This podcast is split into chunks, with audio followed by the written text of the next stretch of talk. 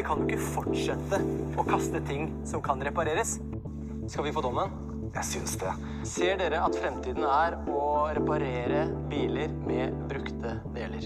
Absolutt. Tommel opp. Dette er eh, bærekraftig praksis, og dette ønsker vi mer av. Jeg er også veldig for at en reparerer flere produkt, og ikke minst flere elektriske biler, for det trenger vi mange flere av på veiene våre. Vi er veldig positive til gjenbruk, eh, men det må gjøres etter boka. Tommel opp.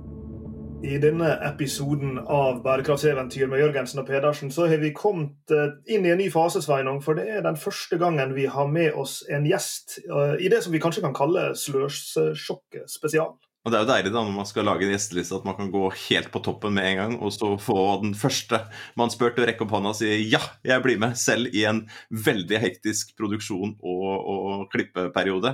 Kristian Strand, velkommen til Bærekraftseventyr, og gratulerer med første visning av Sløsesjokket. Og hvor mange lyttere var det? Nei, ikke lyttere, det er det vi som opererer med. Hvor mange seere var det? Var det ikke oppe i 800 000 seere? Jo, det var helt vilt. Tusen takk for at jeg får være med. Altså, dette har jeg gleda meg så, så mye til. Eh, men vi hadde jo premiere på, på, onsdagen, og det å vise sirkulærøkonomi eh, på en morsom og underholdende måte, det, altså, det fenga, altså.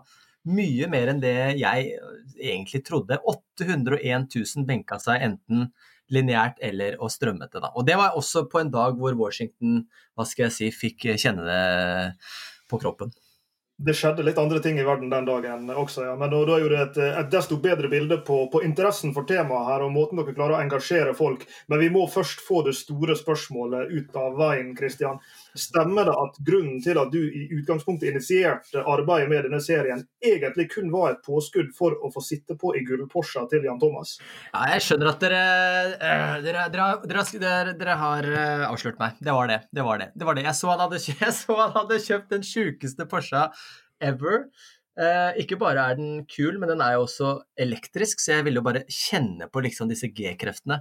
Så da tenkte jeg hvordan i all verden kan jeg få komme meg inn i den bilen, men samtidig på en måte få lov til å snakke om den? Jo, jeg lager et program om sirkulærøkonomi, om elbiler som vrakes, og så fikk jeg lov til det. Ja, det er deilig. Det begynner å bli en stund siden, men eh, du løper jo noe inn i helsikes fort eh, da du var litt yngre enn nå. Så, så, du har vel kjent på G-kreften omtrent fra egne bein, men du så jo ute i bilen her at du, at du kjente litt på, på litt ja, ja. annen fartsopplevelse der og da. Altså, jeg har alltid vært fascinert av fart, egentlig, fra jeg var liten. Eh, enten om det er løping, som du nevner her, for det var jo på en måte det jeg egentlig drømte om. Eh, mange drømmer jo om mange ting, noen drømmer om musikk og TV og sånn, men jeg drømte om å løpe fort. Jeg hadde Carl Lewis som løp eh, for Santa Monica Track Club i USA, var mitt aller største forbilde. da. Så det å bli verdens raskeste mann var noe jeg satset på helt til jeg ble 22 år. Men samtidig så har jeg alltid elsket å stå på snowboard og liksom kjenne de, den fartsfølelsen. da. Eh, om jeg ikke fikk den da i løpe, eh, på løpebanen, så var det andre steder. Eh, så jeg, jeg tror jeg har vært fascinert av G-krefter, og nå blir det da mest berg-og-dal-bane med gutta, egentlig, som, hvor jeg får virkelig kjenne på det. og det jeg blir litt mer kvalm da jeg var ung, for å si det mildt. denne fascinasjonen nå er inne på det, denne fascinasjonen for sirkulærøkonomi, hvor er det det har kommet fra? Nei, altså, jeg har jo studert økonomi eh, på, på BI da jeg Det høres litt rart ut, men samtidig som jeg eh, var skuespiller i Hotell Cæsar på 2000, altså 2000, 2001, 2002, så gikk alle de andre skuespillerne som jobber på Oslo Nye, Nationaltheatret og Det Norske Teater, de gikk jo og leste på alle andre ting mens vi gjorde Cæsar. Og jeg hadde jo ikke noe å lese på, for jeg kom rett fra videregående skole. Så jeg fant ut at da må jeg jo studere et eller annet, så at jeg også kan gå og lese på et eller annet i gangene. Så jeg valgte jo da å studere økonomi, og egentlig alltid vært fascinert av, av økonomi. Eh, så det på en måte å, å, gå inn i økonomien har fascinert meg lenge. Og så var det da jeg fikk barn, eh, som er syv år siden, hvor jeg da skjønte at det å reparere ting og det å få til eh, at ting skal være lenger, det var ikke så lett som jeg trodde. For f.eks. det å bytte ut dekket og slangen i guttungen min sin sykkel, det var dyrere enn å gå på en sportskjede og kjøpe en helt ny sykkel.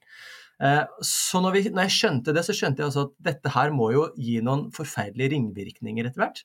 Og så har vi jo da i NRK eh, over tid jobbet med miljø. ikke sant? Det har jo gått over tid.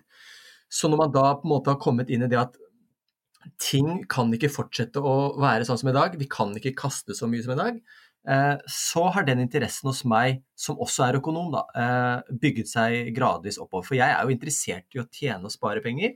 Så hvis man da også kan gjøre det med ting som kastes, da, eh, vise at det er eh, verdier i seg selv, og at man ikke kan kaste så tidlig, for dette er jo ting som, som, som, som må gå sirkulært, så, så ser jeg både eh, penger i kassa og at det kan være et, eh, et grønt avtrykk på det. Når vi traff deg første gang, Kristian, så var det vel i forbindelse med at vi var med på et, et FBI live sending på, på Gardermoen. hvor ja. det var, Den gangen var jo det klima.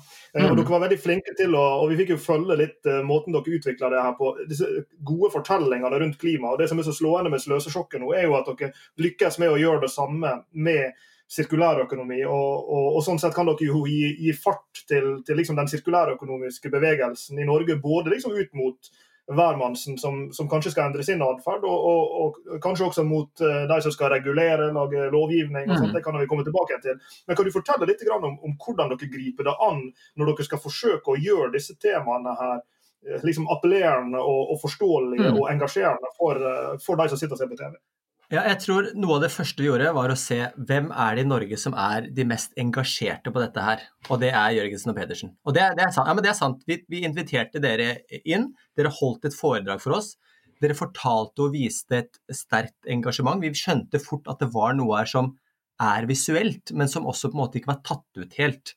Eh, og det er jo noe vi hele tiden tenker. altså Vi er kreative og journalister samtidig. Så vi må tenke hvordan i all verden kan vi få ut ting som i utgangspunktet virker vanskelig og komplisert, eh, men med en lettfattelig, enkel og underholdende form. Da. Så vi prøver å pakke det inn, men på en måte la seerne få bli informert, bli engasjert og, og, og bli nysgjerrig på noe nytt. Da. Eh, og så, samtidig som vi gjør det, eh, så dykker vi veldig raskt ned i en målgruppe. Vi tenker hvem er det i denne målgruppen her som er de vi virkelig ønsker å nå? Eh, vi ønsker jo ikke å nå menigheten, altså de som gjør dette her, som elsker dette her og som kan dette her.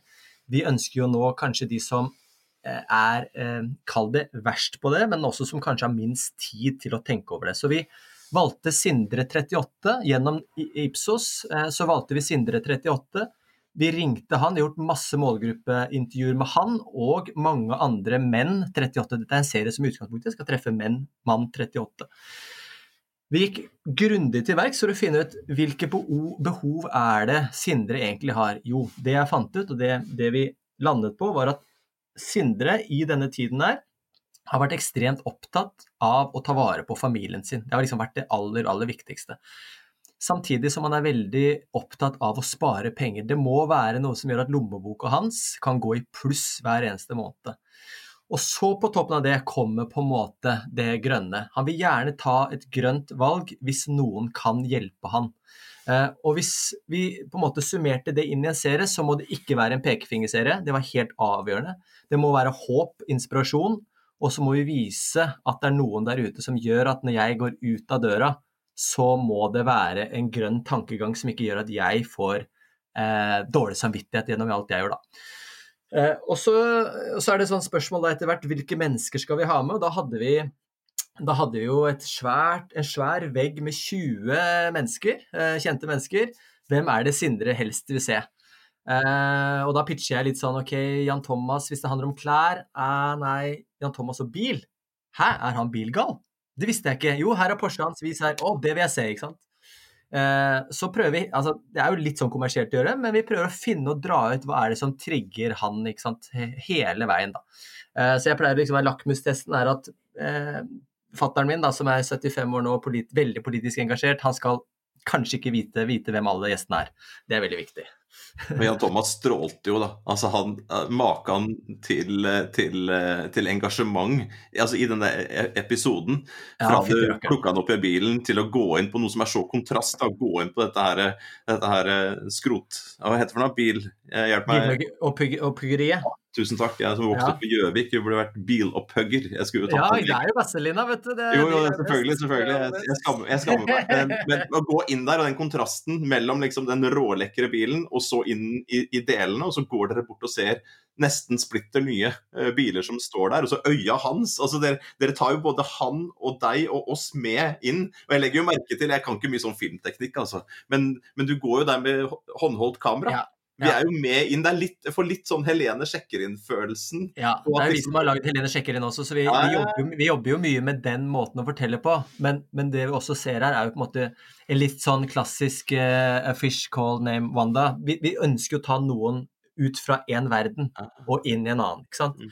Vi, det er jo det som er så fint her. Vi tar Jan Thomas, som er en, kall en glamorøs eh, kjendis som lever i Hollywood og elsker det. Så tar vi en inn i en bakside.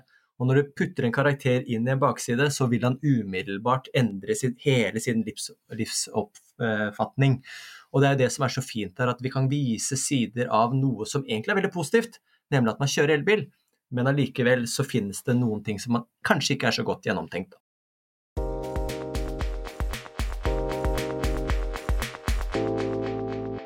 Du begynte jo, du snakket litt om dette her med guttungeopplevelsen din, dette her med å reparere. ikke sant? Ja. Gjenbruk og sånn. Teoretisk. Er dere flinke, er dere flinke eller? Åh, jeg, veit vet nesten ikke om jeg tør å, å snakke om det. Eh, eh, Vi kan, kan, kan komme tilbake til det, men jeg tenker liksom sånn Mm. teoretisk.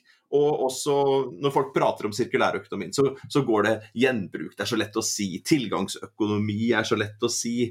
Uh, vi skal oppsirkulere framfor å resirkulere eller nedsirkulere. Det er sånne begreper som liksom er der. Men så kommer dere da eh, ut der, og så står dere med nesten splitter nye biler som da skal repareres. Og så ser du da, som økonom så ser du sånn regnestykket. Her er det en differanse. Selvfølgelig er det mer lønnsomt å skrote disse her. Uh. Hvis man tenker sånn og sånn og sånn, men hvordan kan man tenke annerledes? Uh, Hvordan var den opplevelsen for dere når dere gikk inn både her og i de andre programmene på å se at den der, den, det avviket mellom disse flotte modellene i fine farver og med vindmøller, og hvis det er populært, han har sagt, Mm. og alt så er glade unger som sykler, og det er liksom ikke måte på hvor vakkert det er, ikke sant? Til Ja. den realiteten hvor man står inne på høggeriet da, og, og, Mm. og skal gjøre dette her. Fortell litt om den opplevelsen. Ja, jeg tror i hvert fall det er helt sånn avgjørende, i hvert fall i forhold til hvordan vi jobber, da. Det er å tenke at de som skal motta dette budskapet, de som skal se på dette her, kan ingenting. Men samtidig så må vi også vise, vise at at det er mange sider av saken. Når vi får presentert sånn som når vi har vært ute hos næringslivet nå, eller vært i fagmiljøer, eller vi har vært hos eh, andre eksperter, så får vi som du sier presentert masse modeller om hvordan ting fungerer, og hva som er bra, og hvilke steder det er flaskehalser, og om det er sirkulært og ikke sirkulært. Men så er det liksom eh, I bunn og grunn så handler det liksom eh, ned til vil denne tingen her leve lenger eller ikke? ikke sant? I hvilken grad og hvor i, i sirkelen vil denne skrotes? Og det er det vi, det er det vi prøver å på en måte fortelle at uh, det fins og skjer kjempemye bra på gjenvinning i dag. Det er masse som blir gjenvunnet også på en elbil. Alle, nesten 95 av en bil på et eller annet nivå blir gjenvunnet. Men det er ikke noe vits å gjenvinne en bil etter ett år. Ikke sant? Den skal gjenvinnes den dagen den ikke kan gå lenger, eller kjøre lenger. Eh, Og da skal man være flink nok til å bruke alle delene. Og det er litt som man kan en, man kan vise tilbake til, til, en, til en ku. da? Det er ikke noe vits å drepe kuen etter ett år og bare spise halen, liksom. Du må klare å spise opp hele kjøttet. og det er sånn, Vi tenker sånne ting i forhold til spesielt unge generasjoner som bare kjøper fileter i butikken. Vi sier det kommer jo fra et sted. Det kommer fra et dyr. Du må, du må, du må ha respekt for hele dyret. Du må kunne vite å spise alle delene. Eh, og så må du da, ikke sant? Og det er jo det vi prøver her hele tiden å si at vi bruker, vi, vi bruker opp så mye ressurser hele tiden på å produsere en ting at da må ting vare så lengst mulig. da. Og hvis man klarer på en måte å eh, eh, Selv om jeg er økonom og tenker i økonomiske termer, så må man hele tiden prøve å være i øyehøyde med de som er mottakeren, sånn at de skjønner det. ikke sant? Fordi hvis man ikke klarer det, så, så, så preacher man for, for ingen, liksom. Eh, og det er sånn helt avgjørende også med denne serien. Vi var jo veldig redde for å bruke ordet sirkulær økonomi. Det er et fint og flott ord, eh, men det er vanskelig å bruke, så vi måtte hele tiden tenke hva er, hva er det på en måte som vil trigge sant? Sløsing, ja, det er, sånn, det, det er egentlig i utgangspunktet et veldig sånn negativt ord, og så, så drar vi det inn i noe fint. Så vi må man, må, man, må, passe på sant, hele tiden hvem er målgruppe, hvem skal treffe. På et, uh, på et event for, uh, for, økonomer så ville jo sløsing Nei, jo sirkulærøkonomi helt klart vært et helt avgjørende ord. Men jeg også gjør jo noen ganger når jeg gjør foredrag om, om, ting og hvordan vi jobber, så prøver jeg hele tiden å tenke hvem er det jeg prater til. ikke sant? Og eh, Hvis jeg skulle snakket om sirkulærøkonomi til kona mi, så hadde hun raskt vært ned på Instagram. ikke sant? Så jeg må ta lakmustesten. Hvor er det? Når er det, når er det hun som ikke er opptatt av økonomi, kan, kan finne dette interessant? Men Dette er jo interessant både med liksom hva, hva, budskapet er og, og hvem målgruppa er. Og så er det liksom disse ulike reaksjonene du får fra de ulike gruppene mm. rundt her. Da. Det er jo interessant det du sier med, med disse bransjene. For, for, jeg går ut ifra Du var jo inne på i stad at liksom, en har absolutt, absolutt, ikke lyst til å kommunisere her på en måte som er liksom pekefingeren og moralisme og sånn. Så, så der er noen sånne eh, greier. Og så, så, er det jo en balanse med alle sånne eh, kall det miljørelaterte tema at dels har en lyst til å kanskje inspirere eller motivere litt, som du var inne på i stad. Hvordan skal den 38 år gamle familiefaren kunne endre praksis i sin husholdning? Um, samtidig har en jo lyst til å provosere litt. Gjerne. Kanskje en lyst til å provosere den bransjen det gjelder til å forbedre seg. Kanskje en lyst til å provosere politikere til å ta grep. liksom, hvordan er den der balansen der mellom sagt, både hva dere forsøker å få til, men mm. også hva slags type reaksjoner dere får tilbake igjen, enten det er fra seeren, fra fra bransjene dere, dere berører, eller, eller ja. Nei, eh, journalistikken har jo på en måte de siste årene, hvis vi går litt sånn Dette blir litt sånn journalistteknisk, men vi har jo på en måte den klassiske konfrontasjonsjournalistikken som på en måte debatten holder på med. Og vi skal, eh, vi skal sette makta til veggs, og vi skal på en måte få de til å svare direkte. Eh, for noen år siden så begynte også danskene veldig tidlig med det som kalles for konstruktiv journalistikk. Det å på en måte finne en løsning og løsningsbasert journalistikk. Den kastet vi oss på eh, for fire-fem år siden, hvor vi da utviklet Matsjokket i første runde, som på en måte var ta for oss matindustrien og det som ja, der også ble kastet da, og ikke ble brukt som, som mat. Eh, og det gjør vi også her. Vi går konstruktivt aktivt inn. Vi ser på en utfordring og et problem, og så vil vi ta tak i det og løse det. Eh, og det er det ikke så mange som på en måte har kastet seg på ennå. Men vi ser at sånn som danskene og svenskene og vi, da, eh, treffer bedre med den type journalistikk med eh, temaer som ikke har, et, eh, har to, under, to, streker under svaret.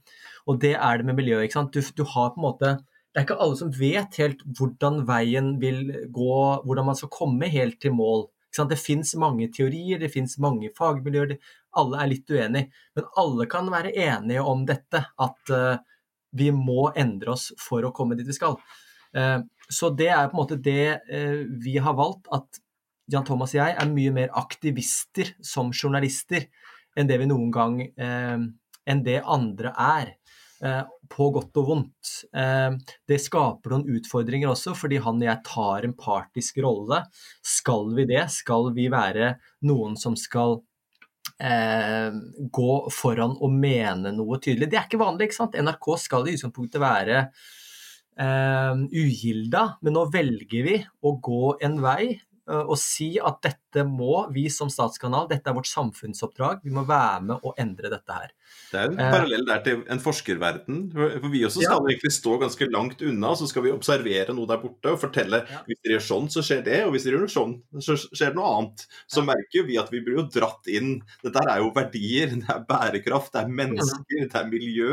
Det er ting som brenner, liksom. Og så, og så skal man finne sin rolle. Skal man da mene noe og være kalt normativ i dette her, eller skal man stå på utsiden og gi råd og være helt uanfektet. Og vi får jo kjeft noen ganger. Vi får kjeft fra begge sider. Vi får kjeft fra de som er liksom sånn helt mot det. Sånn, eh, mot miljøet og alt det der preiket der og bare suger en del i statskassa og sånne ting. Og så får vi kjeft fra de som er eh, veldig idealistiske og som mener at vi økonomi og bærekraft det kan man ikke si i samme setning. Man bør ikke si det i samme setning.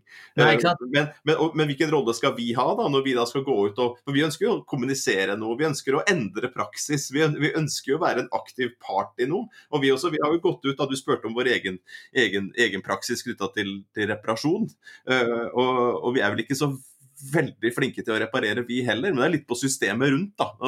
Kanskje ikke så himla handy, det er jo det ene. Og så ligger jo systemet rundt og, og gjør det dyrt for oss. Men vi har jo gått inn f.eks. Jeg så du kommenterte i går på, på LinkedIn vår venn Fredrik Barth da, i Vill i, i, Bergen som sa Hei, eh, fortell da, eh, når du møter Christian Sveinung, så, så fortell nå da om, om, om, Nordic Circles. Hvor vi har satt oss for å ta borerigger og skip og gjøre om det til byggematerialer. Ja, vi skal bruke stålet som står og har, som har gjort en kjempebra jobb for oss i, i flere tiår. Så står det stål i Nordsjøen som etter hvert skal brukes til noe annet. Skal det da sendes til Bangladesh og lage spiker av? Det er en gjenvinning, det. er Flott, da får vi spiker tilbake. Eller kan vi bruke det i en, en, en, en form som er nærmere? Men dette her er jo ikke lagd, disse boreriggene er jo ikke lagd for å demonteres. Eh, og De klippes opp ikke sant, og rives i fillebiter, og så, og, så, og så, gjør man det om til ulike typer produkter. Dette berget kan bli en kjempebra TV-episode på et eller annet. Da. Ja, altså det å være på det. Der har vi fått eh, godt bestøttet av Agenda Vestlandet, som er en sparebankstiftelsen, en sparebankstiftelsen i Sparebanken Vest. I, som har finansiert dette over en treårsperiode. og Det er et hårete prosjekt å lage en industri for, hvor, folk som da ikke skal jobbe med den gamle økonomien, skal inn i den nye økonomien. og Så skal vi ta disse materialene og bygge broer, bygge skjørt som går da på, i forkant av, av, av ned i vannet, ved, havner, hvor marint liv skal kunne vokse fram igjen.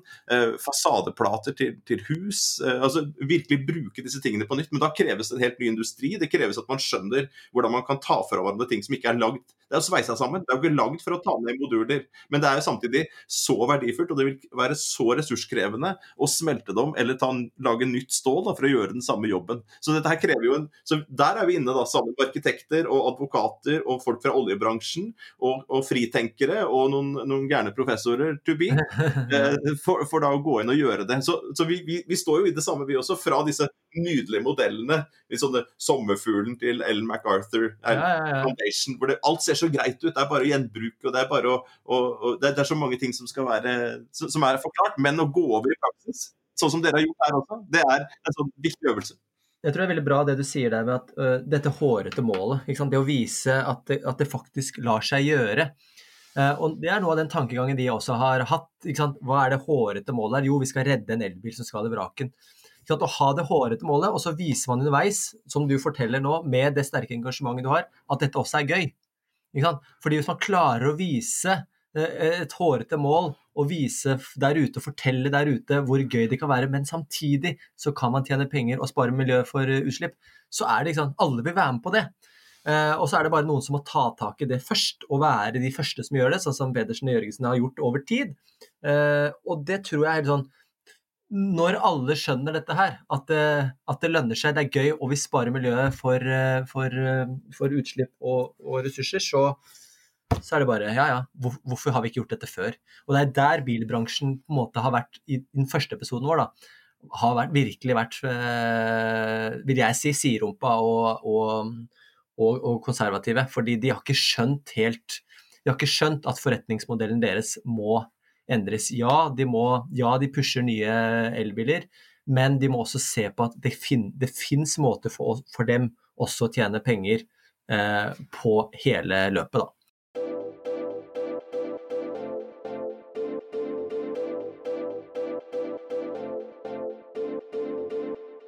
Dere tar jo for dere flere store og, og viktige og spennende bransjer i, i, i serien. altså Vi har nevnt bilbransjen, tekstil har vi vel vært inne på.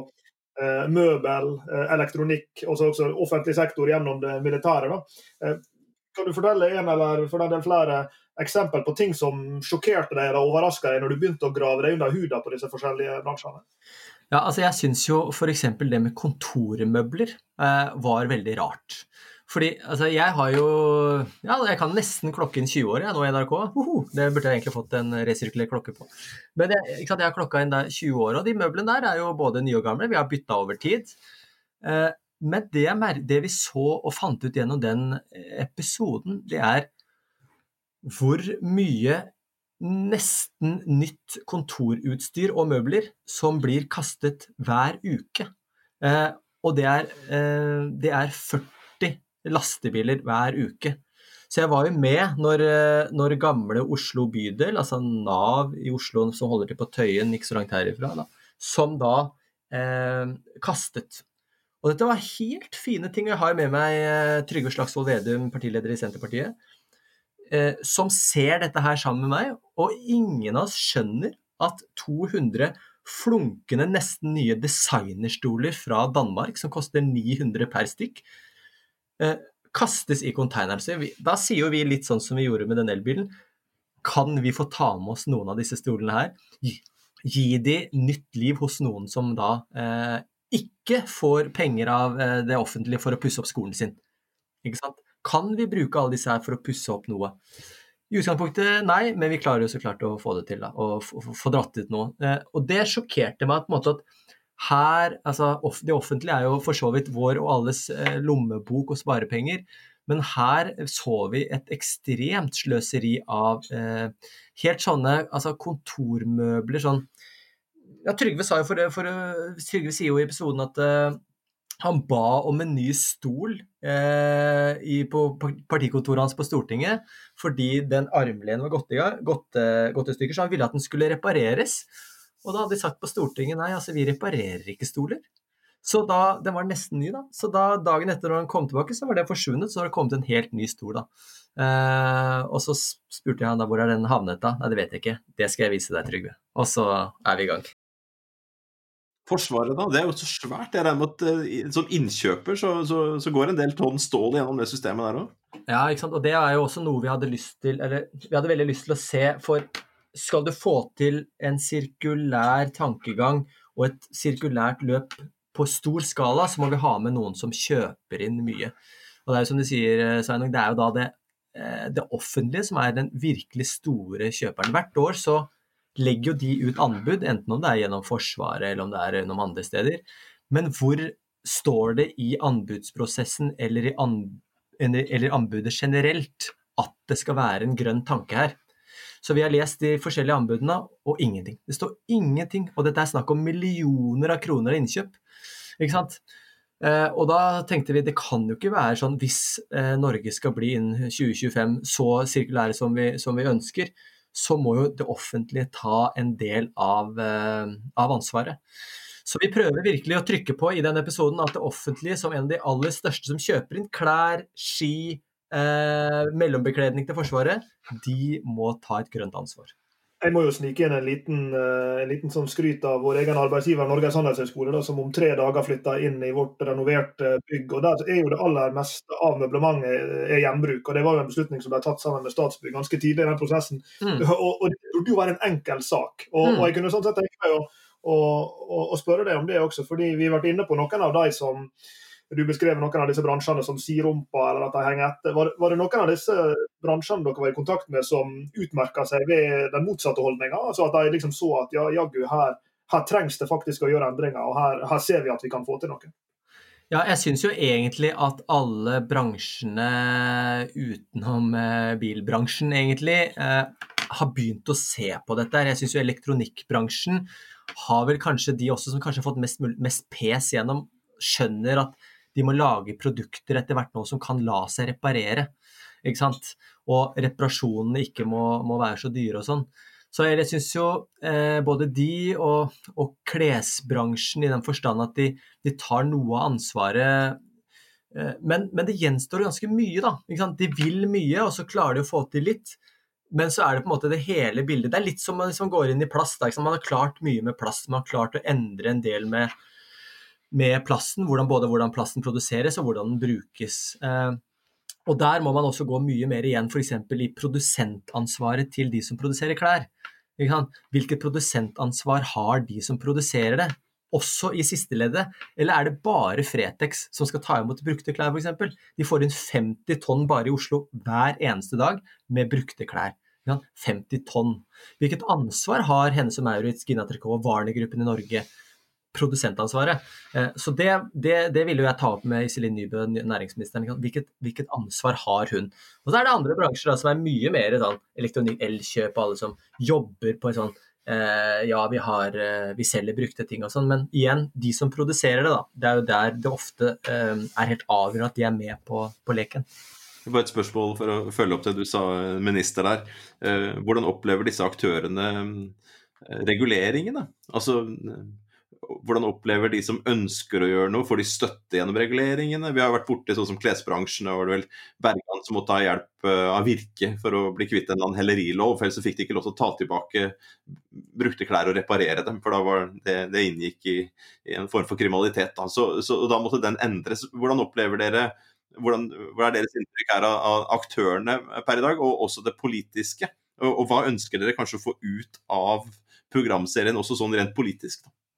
Jeg tror at uh, bransjen i seg selv er endringsvillig. Jeg, jeg, jeg, opplever de som at de veldig de ønsker Mange av de ønsker virkelig Det kommer mange nye unge mennesker nå som tar ledende posisjoner, som ser at dette er veien, virkelig veien å gå. Uh, og så er det jo så klart hvilke rammevilkår og betingelser har de for å jobbe inn mot dette her. Og der er det jo, sånn som hvis du nevner Bergans nå, da, som også er med oss i den siste episoden, eh, så, så, ser jo de også at hvis de skal gjøre i stor skala, så må det ligge rammevilkår eh, og kanskje noen krav, f.eks. fra det offentlige, om at de kjøper inn eh, bærekraftig utstyr fra dem, da, eller at de skal gå med på en leasingavtale istedenfor å kjøpe inn og sånne ting. Så jeg ser, jeg ser, at næringslivet og aktørene, de virkelig vil. Eh, det politiske eh, på ett Hva skal jeg si Vi vet jo at denne sirkul... Altså, det kommer noe nå. Eh, vi vet jo at det jobbes med, med det. Det kommer, en, eh, det kommer, jo en strategi, en sirkulær strategi som skal fortelle noe mer om hvordan vi Den er så klart utsatt litt, men den skal, den skal på en måte gi noen pekepinner. Det kan hende det kommer noe mer der. Men jeg tror ikke at det politiske helt ennå har De vet ikke helt hvordan de skal angripe det. Og det er, litt, det er, det er jo litt sånn utfordrende. fordi vi har jo pekt på f.eks. det å redusere moms på reparasjon, som ville gjort eh, Da slipper du 25 opp, opp på, på, produktet, og du får 20% billigere og sånn. Men, men, det er vanskelig det er vanskelig å bare ta vekk eh, en inntekt eh, uten å måte, få de samme eh, inntektene tilbake til samfunnet. Altså, de har ikke helt tenkt det store, store, store bildet. Men vi må jo gi dem litt tid, da. Dette er jo, såpass, dette er jo ganske nytt sånn sett. Men at det er vel Altså at de vil, det tror jeg. Jeg, jeg syns at eh, klima- og miljøminister Rotevatn er på ballen. Han er ung fyr som, som, som, vil noe, så håper jeg virkelig at han liksom er nok ambisiøs. Det er jo det det går på. Det er jo det du sier med denne, denne oljeriggen der ute. Man må være så ambisiøs, og så må man tåle liksom at det svir litt. Man kan si hva man vil om, om, eh, om Miljøpartiet De Grønne i Oslo og, og, og, og, bilpolitikken, men man må faktisk noen ganger være så ambisiøs at det svir litt. Og så tror jeg på en måte at når man skjønner at dette, dette også er lønnsomt, da, så vil både aktører og politiske og hele pakka være med. Eh, men det vi ønsker politisk, det er jo å peke på utfordringene. Så vil vi eh, det med litt eh, G-krefter, sånn at det virkelig kommer inn i eh, stortingssalen, spørretimene, at det blir hevet opp, og at regjeringen tar tak i det. da, Enten om det nå blir en blå-blå eller en ny eh, i 2021. da. Opplever dere at de politiske miljøene, enten det er liksom enkeltpersoner i partiene eller, eh, eller nær sagt partier som sådan, responderer på, på, disse tingene dere setter på agendaen? Altså Er det sånn at dere står i en enten direkte eller indirekte dialog med dem i forlengelsen av det her? Altså De ser at det skapes et engasjement. Det sitter 800 000 mennesker og ser, ser på bil, bilepisoden. Mm. Eh, er det en sånn respons der som, som du skulle ønske? Ja, ja, ja. Det er en kjemperespons. Og det ser vi også ut ifra matsjokket som vi, når vi gjorde det. Altså Vi endret jo både, var med å endre både sukkeravgiften og sant, å få tilbake eh, få tilbake eh, lam og sau fra, fra fryselaget som bare lå der og ikke ble brukt. Ikke sant? Så vi, vi merker jo at med en gang vi gjør noe, så skjer det endringer. Og så er det jo vår jobb da på en måte å, å, å, gjennomskue om dette bare er eh, grønnvasking i, kort, i, det korte løp, eller om dette vil gi noen både politiske ringvirkninger og på en måte noe næringsliv og strukturelle. Eh, men eh, de er overraskende på, og jeg tror det er noe med det at alle har skjønt nå at de må, de må man må endre seg. Eh, så må man bare tenke hvordan skal vi som næringsliv og bedrift klare oss finansielt gjennom denne endringen. Og det er det, det er det som er utfordrende. Hvordan skal vår forretningsmodell, som egentlig er eh, produser, eh, selv, kast, produser, selv, kast, hvordan skal vi som, eh, som brand da, Eh, komme oss over i det sirkulære. Og da trenger man nye mennesker som kan peke på jo, det er denne måten. Og gjennom det så bygger du brand, gjennom det så bygger du en eh, bærekraftig næring, og ikke minst, dere kommer til å tjene penger på det. Eh, så der trenger man hjelp av sånne som dere, men samtidig også noen som i enhver eh, bedrift tar den stafettpinnen og virkelig vil, er ambisiøs. ikke sant? Og det burde man jo, hvem er de, Dere kunne jo lagd en sånn type rangering. Hvem er de mest ambisiøse på dette her? Og heie de frem. Hvem er det som virkelig står på, sånn som man gjør ofte med gründere? da, Med ledertalenter eller om det er med gaseller. Hvem er det som virkelig står på toppen? Og de må vi heie fram. Det liker jeg veldig godt. For man skal være litt tøff som bedrift i dag og si noe som helst. Det er jo noen som er, er veldig vågale og sier at innen 2030 så skal det være null klimautslipp. Mm. Altså, være, altså, altså, det, er jo, det, er jo, noen som går foran og er, er veldig ambisiøse, men det å begynne å, å, kommunisere de tingene man har gjort, da, det er jo lett å bli oppfattet da som noen som grønnvasker f.eks. Men det også, noe av det vi har gjort og prøvd å gjøre denne våren, er liksom å, å, senke skuldrene. Først ved å peke på oss sjøl. Altså, mm. vi flyr vel mest i Norge. Altså, ja, bare for å starte med det. Og så kan vi ta det, da er det etablert. Ok, nå kan vi begynne å prate om dere eh, deres bedrift. Hvor er det skoen trykker? Hvilket, hvilke, hvilke, negative ringvirkninger eh, finnes pga. dere, og hvor skal man begynne? Men det å det å premiere de som tør, og tør selv, om, selv om de sier at ja, nå situasjonen er at vi er ikke en del av den sirkulære økonomien, vi er ikke en del av en grønn økonomi, vi har ikke en god sosial profil, ikke sant? Men, men vi har lyst til å gjøre det. Hvem andre er det som gjør det i dag? Hvem andre er det som, som, som premierer? Er det noen i det hele tatt som premierer at noen tør å Petter Stordalen går ut og sier liksom nei, skal bli, skal bli eh, frokosten skal være sånn og sånn, hotellet skal være sånn og sånn. ikke sant? Det var for noen år siden. Og du får jo mye punk kjapt. Mm, du, du, har ikke gjort det ennå, men allikevel ok, dette strekker vi oss etter. Så, så hvordan, hvordan, skape rom for det? Det likte jeg veldig godt, Kristian. Den skal vi tenke litt på framover. Ja, det syns jeg dere skal tenke på. Jeg hadde, jeg hadde en sånn hyggelig kaffe med, med Dagfinn Høybråten, tidligere partileder i KrF, og, og Ansgar Gabrielsen, tidligere næringsminister fra Høyre. da. Jeg hadde en hyggelig kaffe med de her en dag, og jeg lurte på en ting. og det var Da de da, de da tok eh, det man kaller for upopulære beslutninger. altså type sånn, Dere husker jo røykeloven med Dagfinn. ikke sant? Det, det sto jo i det. Han, han, ville, han, ville, jo på en måte at det, det skal jo ikke være røyking på utesteder. I alle dager, tenkte jo vi. Og Ansgar Gabrielsen sa at det skal være eh, I styrene så skal kvinner være representert like mye som menn. ikke sant? Og, og, jeg snakket med dem, altså, Hvorfor er det ingen som tar de der virkelige upopulære beslutningene lenger? Ikke sant? Alt skal være konsensus, da. Og det er det vi mangler litt nå. Vi mangler, jeg tror det er helt sånn avgjørende nå i dette her vi står i. At noen tør å ta den røykeloven og si at vet du hva, jeg orker ikke å gå hjem fra byen lenger og lukte dritt. Eh, nå, nå, har jeg makt og posisjon, jeg får med meg med Jan Pettersen, leder i Høyre, på dette her. Vi skal slutte. Jeg vet det kommer til å svi for alle som skal på byen, men det er så bra for de som jobber der. Og, og, jeg tror det er noe av det vi må se, og noen må ta en litt sånn førerpinne på dette. her. Vi må ha en litt sånn Obama-fyr som, eh, som, liksom tør å stå litt sånn i det og si at det, det er hit vi skal. Politisk ledelse, det er hit vi skal, det er hit jeg vil. Og så skal på en måte mye av politikken som nå gjøres, dreie seg om dette og den veien til mål. Da. Ikke bare som sånne ja, og så skal vi gjøre noe der, og så skal vi gjøre noe der, men liksom hele tankegangen eh, går inn der. Og det, det, var veldig gøy å høre med de, og de bare de venta på at den unge generasjonen, litt sånn Greta-ish-type norsk, som kunne bare smelle i bordet og si den veien skal gå. Og Der skiller jo kanskje Greta seg litt ut på, på dette bærekraftsfeltet, når du tenker på at, at i, i uh, liksom, hvis du tenker på liksom, de grønne influenserne, for å si det sånn. Jenny Skavlan er jo blitt en sånn ja, ja. Thais og gjenbruk og den der. Eh, disse radikal brokkoli-jentene på samme måten. Eh, Gunhild Stordalen på mat, selv om selvfølgelig alle disse får, kanskje spesielt Stordalen har fått mye motbør fra de som er glad i chat og sånn. Men, men likevel så er mye av måten de skal inspirere på, er på en måte ved å gjøre ting attraktivt, gjøre det på en måte delikat og elegant. og det men, men det er jo interessant det du er inne på her, at at av og til trenger vi kanskje også den, den influenseren mm. som gjør det vondt. da, for å mm. si det på den måten. Vi er til å si at det her kommer til å bli vanskelig, det kommer til å kreve at vi gir slipp på ting. Og Sveinung ser ut som han har en kommentar. Jo, for Vi har diskutert dette her med mange vi også rundt sirkulærøkonomien. Alt høres så greit ut, og alle er for. Ja, ikke sant? Men, uh, og det er jo flott å kunne vise fram det positive sidene, som dere viser fram her, da, for eksempel. Men samtidig så trenger man å, å se at jo, hvis jeg skal slutte å fly så mye, da, f.eks. Altså sånn, eh, endre min atferd. Eller hvis jeg ikke kan få lov til å, å kaste den jakka, for den må repareres. Eller, altså, altså, plutselig så strammes det inn både for bedrifter og individer og organisasjoner, offentlige, private og frivillige.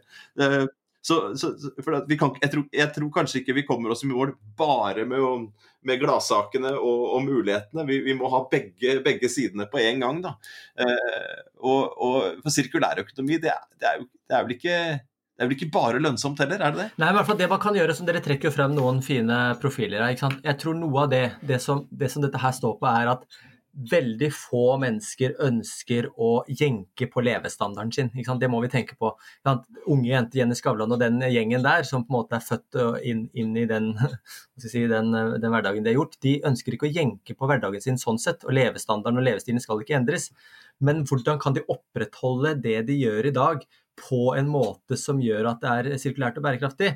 Jo, man kan skape en, eh, en leasingmetode gjennom teknologi som gjør at man kan ha de feteste klærne fortsatt.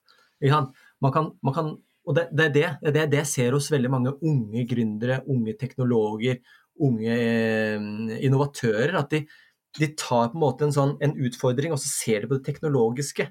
Altså, hvordan kan jeg få til akkurat det jeg vil i dag, som er å se kulest ut når jeg drar på byen, uten at jeg trenger å kjøpe den eh, kjolen?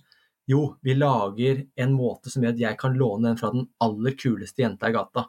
Eh, samtidig som jeg får eh, lånt den rimelig, så får hun penger for at jeg låner den. Liksom. Og Det er jo sånne modeller som også kan gå inn på veldig veldig mange andre områder. Som ikke bare dreier seg om de, de unge, pene jentene, men også de som kjøper inn offentlig. Også de som eh, sitter i lederposisjoner i, i næringslivet. Ikke sant? At det, modellene og måten man handler og forbruker på, da, den tror jeg vi må, eh, må endre på. Da.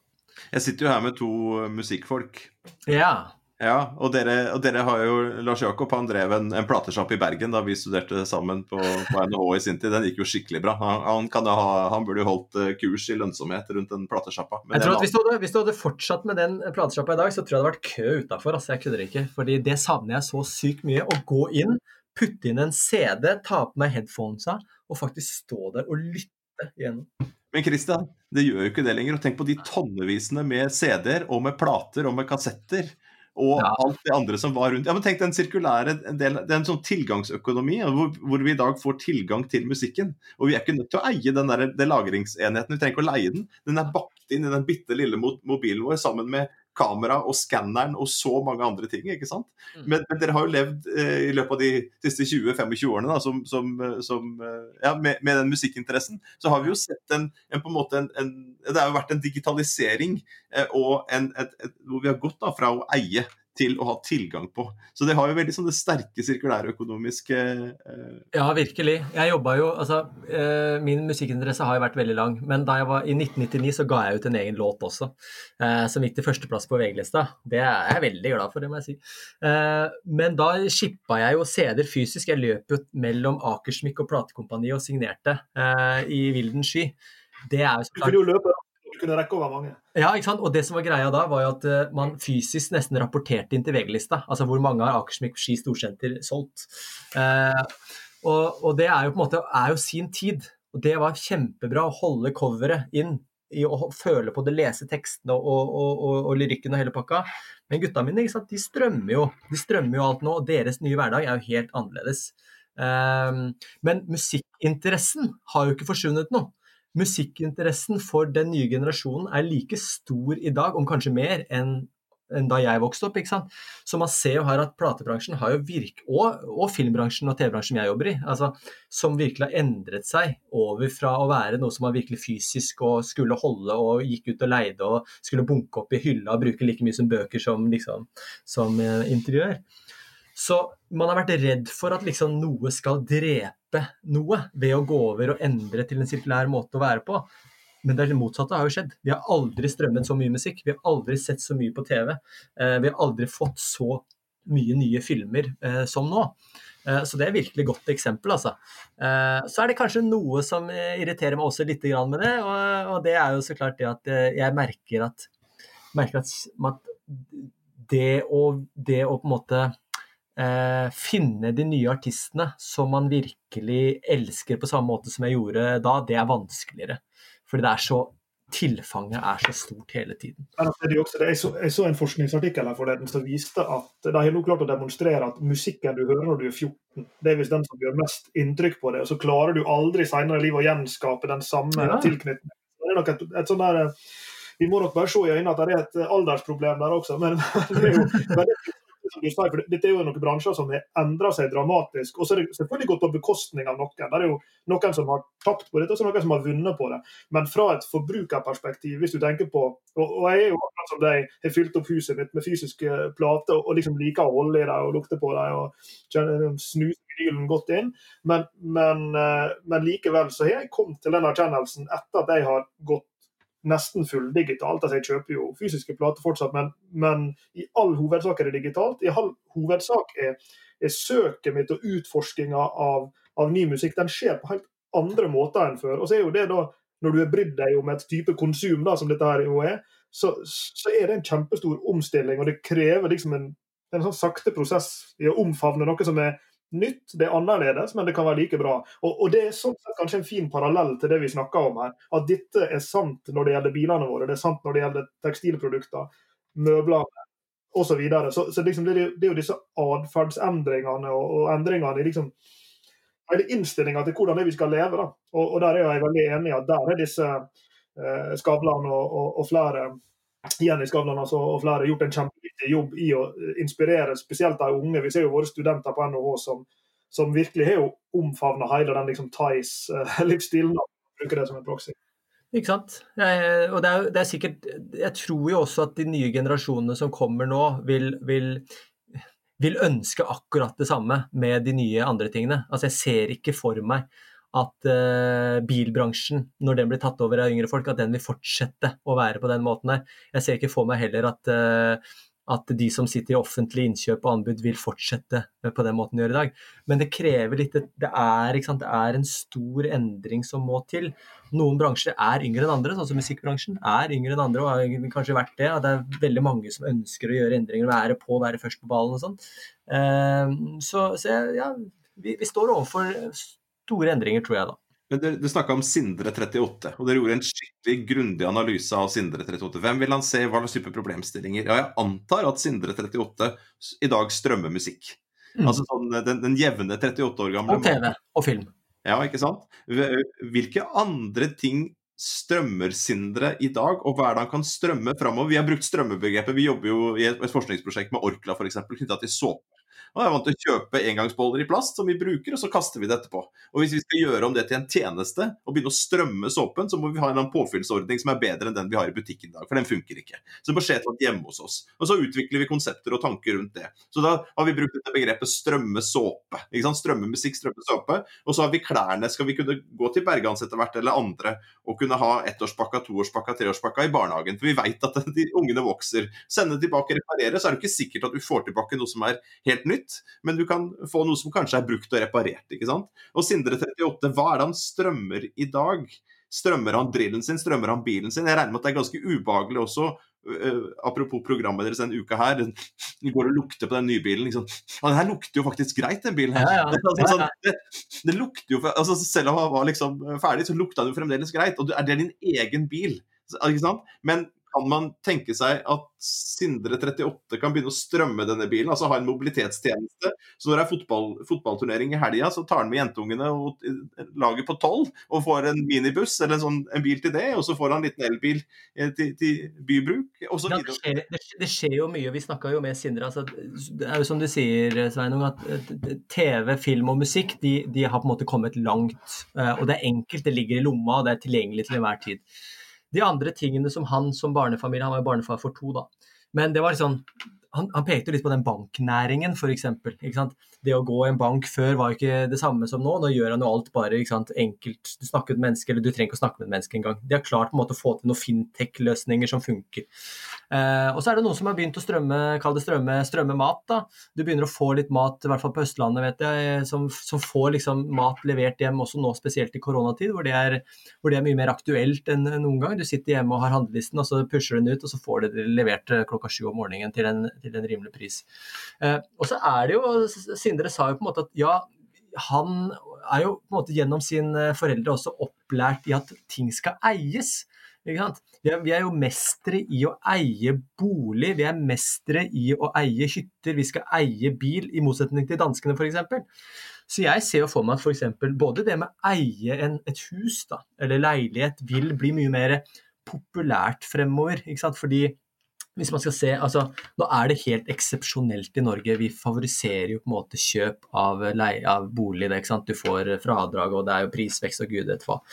Men hvis man skal tenke sirkulært på det, tenke at skal vi ta opp mye ressurser, skal vi bygge så mye, eh, bla, bla, bla, så kan det hende at det må stimuleres mer til leie, f.eks. Og han var ikke, han var ikke Jeg syns ikke det han måtte ikke leie sin egen leilighet eller eie det før ganske lenge, eventuelt.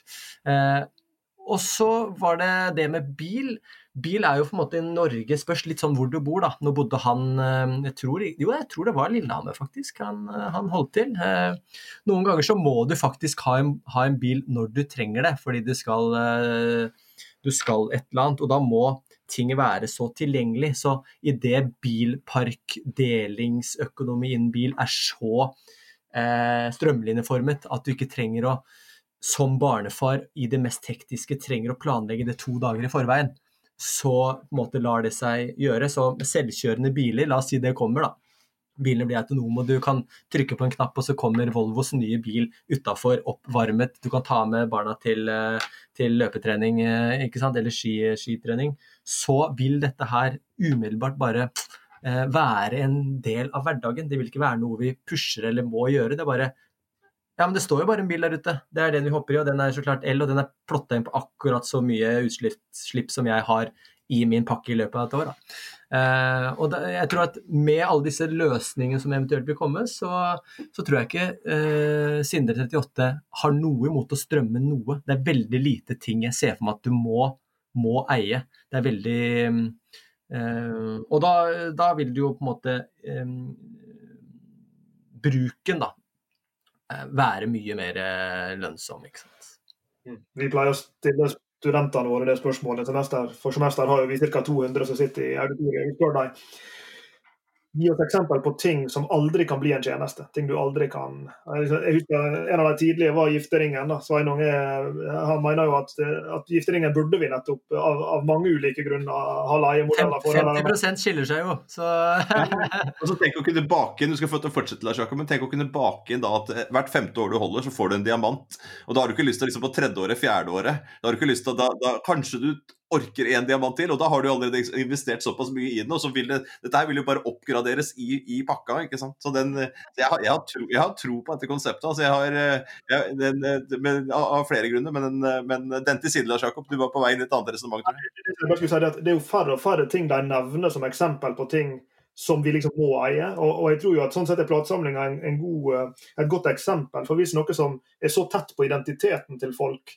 Kan gjøres opp til en digital tilgangstjeneste. Da kan de aller fleste ting det. Mm. Eh, og, det er jo en av våre veldig, sånn, vært veldig tydelige spådom hos oss i mange år, er jo at vi kommer til å føle behovet for å eie mindre og mindre. og mindre. Vi, vi vil måtte vite at det er der, sånn, akkurat som du beskriver med den bilen. Den må stå der når du skal på skitreninga, men, eh, men å eie den er jo egentlig helt eh, underordna.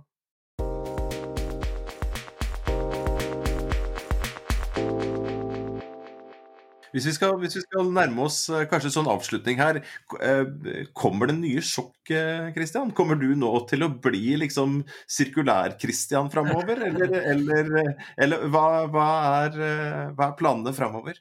Ja, jeg tror jo NRK har uh, miljøet veldig høyt på agendaen i 2021. Eh, og det tror jeg gjør at vi kommer til å komme mange nye prosjekter, enten om det er innen TV eller nett eller podder, altså. Eh, så det kommer til å komme mange sjokk. Men samtidig så, så, så tror jeg også at eh, vi kommer til å lage ting for spesifikke målgrupper. Altså det ser vi jo nå, at eh, denne her slår jo veldig, veldig bredt. ikke sant?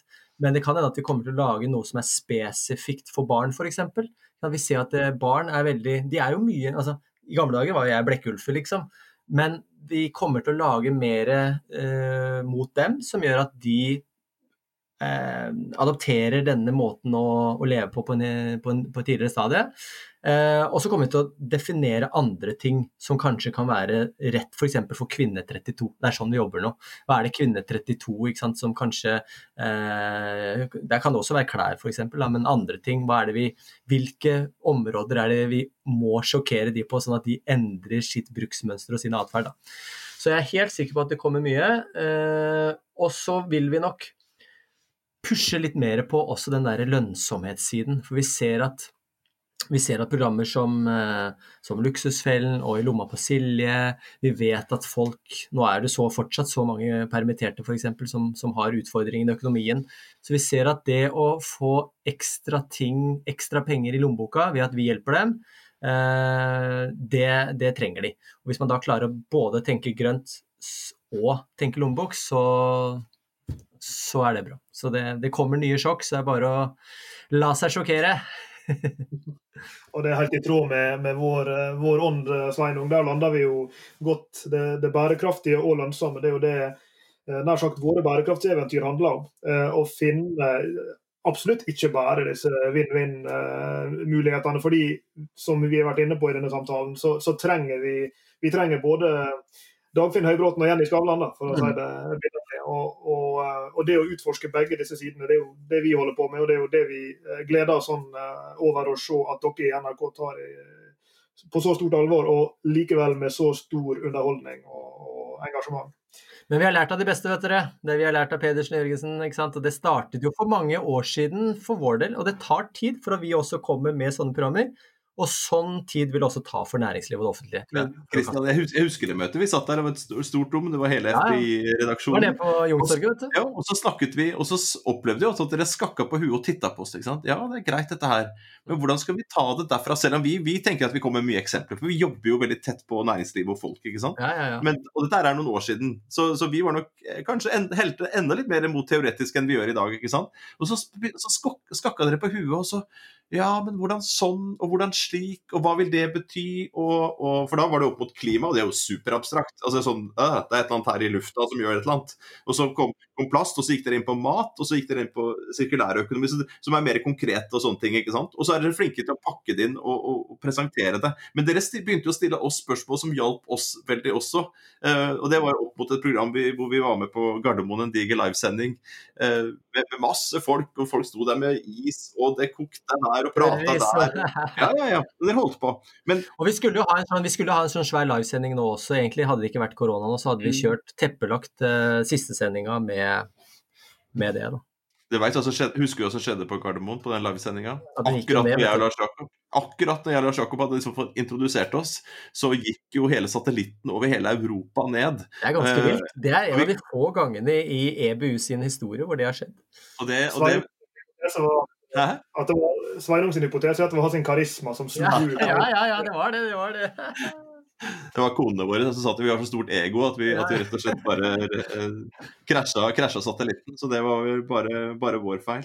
Men dette har vært superinspirerende, Christian. Tusen takk for, takk for, praten. Jeg gleder oss til å fortsette praten i ulike kanaler og lære sammen med dere. For det er det som var poenget mitt her.